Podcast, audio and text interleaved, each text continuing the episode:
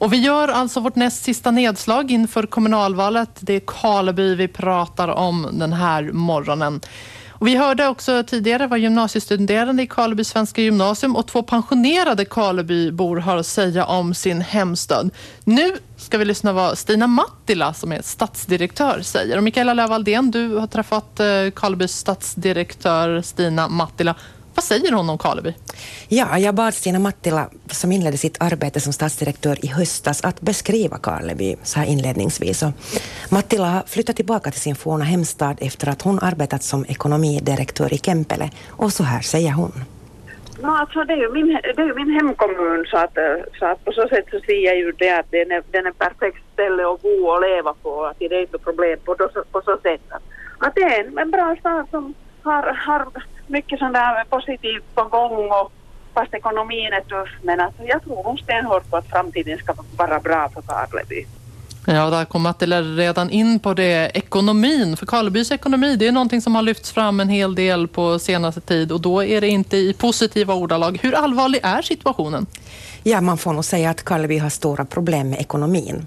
Skuldbördan är till exempel nästan 6 000 euro per invånare och det kan man då jämföra med ett medeltal i landet på 2 355 euro för alla kommuner. Och igår så lämnade alla nämnder i Karleby in förslag på hur man kan spara. Och stadsstyrelsens ordförande Veikko Laitila sa häromveckan till Yle Österbotten att det inte längre räcker med någon osthyvel utan nu får man skära eh, rejält. Och det här kommer Karlebyborna också att märka av när det gäller servicen.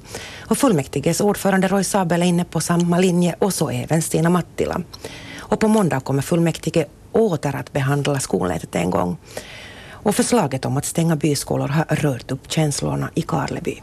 Det är ju ganska tuffa beslut som fullmäktige har på bordet. Det måste vi göra. Det finns inga andra utvägar. Förstås mindre besparingsåtgärder är också välkomna men att vi måste nog ta itu, itu också med sådana större och svårare sak.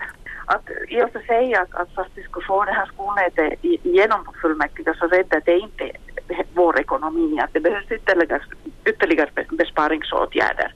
Men det, det kommer ju med tiden, alltså det här med beslut med skolnätet så det, tar ju, det är ju en process som tar flera år framåt förrän det får, kommer besparingsåtgärder från det beslutet. Och Karleby kommer alltså att riva upp budgeten nu i vår och det är ganska ovanligt att det sker så här tidigt, eller hur? Ja, och man kommer att riva upp budgeten sen det framkommit att de här vårdfakturorna från den nya samkommunen Soite har varit högre än budgeterat under de första, första månaderna det här året. Och om det här skulle fortsätta under hela året så skulle man landa på minus 8 miljoner euro. Och så här säger Stina Mattila.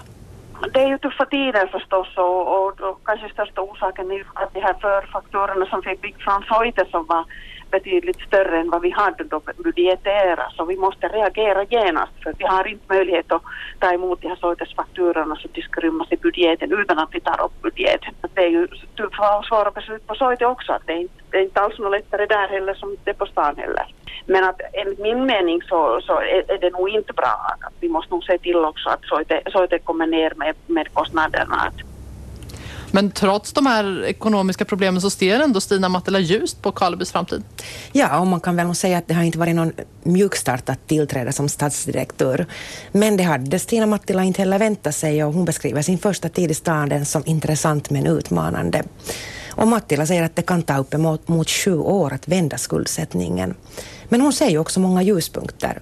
Karleby har en positiv befolkningsutveckling och sysselsättningsläget relativt bra tack vare ett mångs en mångsidig näringsstruktur och arbetslösheten ligger på 11,9 procent och det är under medeltalet i landet.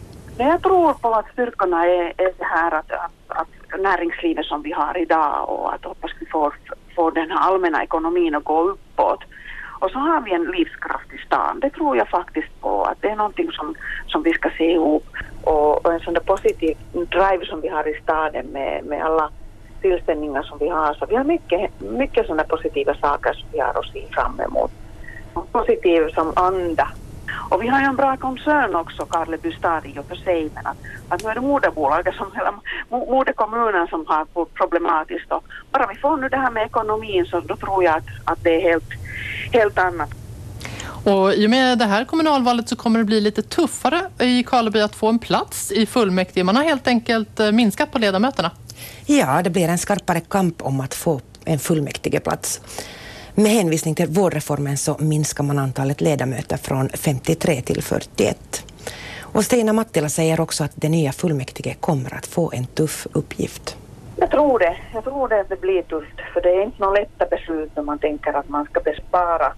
Det berör alltid människor. Det är oberoende av vad vi, vad vi besparar på så är det på skolorna, på dagvården, på, på kostnader som då gäller sjuka och, och, allt möjligt sånt och till exempel på konst eller tillställning eller så. så, så att ta tuffa beslut på att, att ha det här kostnadsbesparing och få skuldbördan ner men vi måste också se framåt.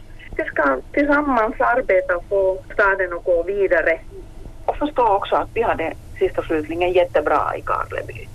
Sa Karlebys stadsdirektör Stina Mattila.